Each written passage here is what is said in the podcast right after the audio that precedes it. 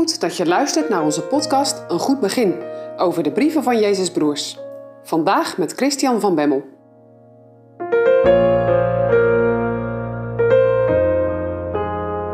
Drie personen als voorbeeld.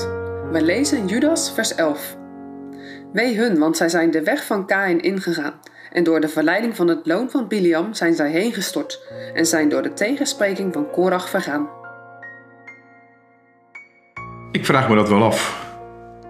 Hoe zou Judas naar zijn oudere broer hebben gekeken? Zie jij in je oudere broer een voorbeeld? Of in je oudste zus? Waarin zijn het je voorbeelden? Wat kun jij van hen leren? En voorbeelden in positieve zin? Of in verkeerde zin? Of laat ik even wat dichterbij komen.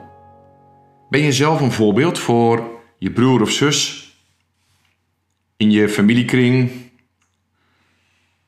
een voorbeeld in je vriendenkring of op je werk? Ja, je kunt een voorbeeld zijn van hoe het moet en ook hoe het niet moet. Er is een uitdrukking die zegt: woorden wekken en voorbeelden trekken. Weet je wat daarmee wordt bedoeld? Het is niet genoeg om alleen met woorden tot het goede aan te sporen. Maar belangrijker, nog belangrijker is, dat je het goede voorbeeld laat zien. Als je vader zegt dat geld niet gelukkig maakt, maar er de hele dag druk mee is en er soms s'nachts van wakker ligt, dan zijn de woorden prima, maar de praktijk zorgelijk. Als je moeder zegt: zoek eerst het koninkrijk van God en je ziet ze iedere morgen, begin van de dag, eerbiedig op haar knieën liggen om de zegen van de Heer te vragen, dan sluit dat op elkaar aan. Je ziet het in haar gedrag. Woorden wekken, voorbeelden trekken. En als mijn woorden en daden niet aansluiten, ben ik eigenlijk een huigelaar. Dan zit ik zondags uit volle borst mee te zingen in de kerk, prachtig. En door de week vertel ik nare dingen over een ander. Vreselijk. Jullie weten inmiddels dat Judas bezorgd is vanwege een valse leer en spotters met Gods genade. Hij noemde eerder deze week drie gebeurtenissen ter waarschuwing. Weet je ze nog? Gevallen Israëlieten, gevallen engelen en gevallen steden, precies. En vandaag onderstreept hij zijn zorg met drie personen ter waarschuwing.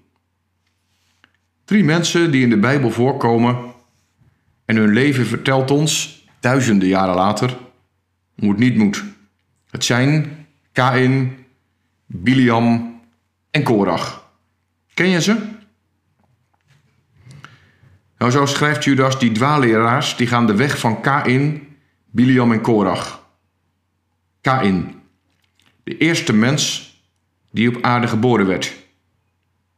Maar hij was ik gericht.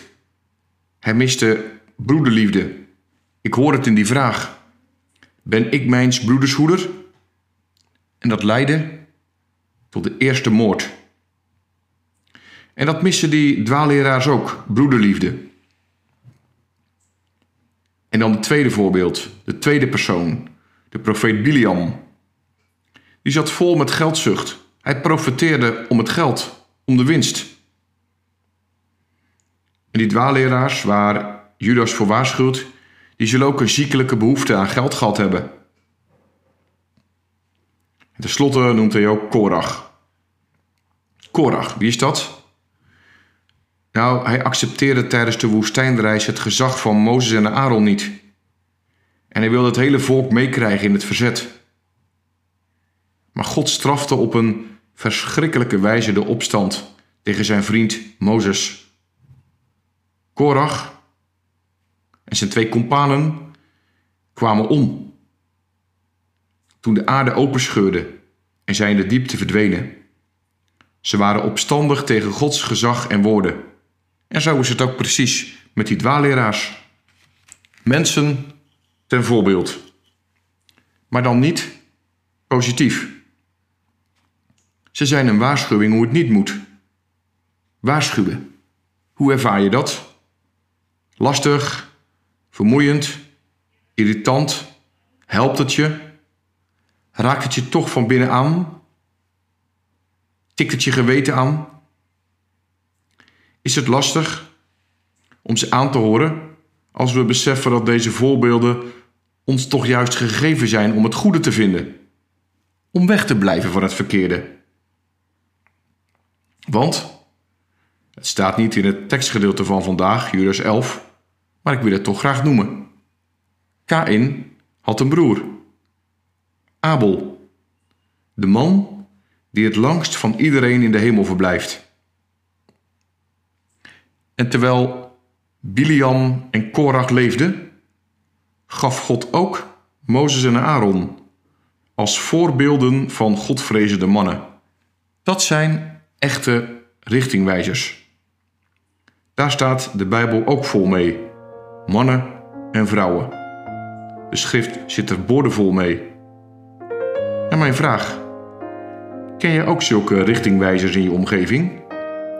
Hoe merk je dat het richtingwijzers zijn? En welke richting wijzen ze je op? Judas, de broer van. Inderdaad, zijn korte brief is bedoeld om zijn broer te zoeken en te vinden als de vaste rots van jouw behoud.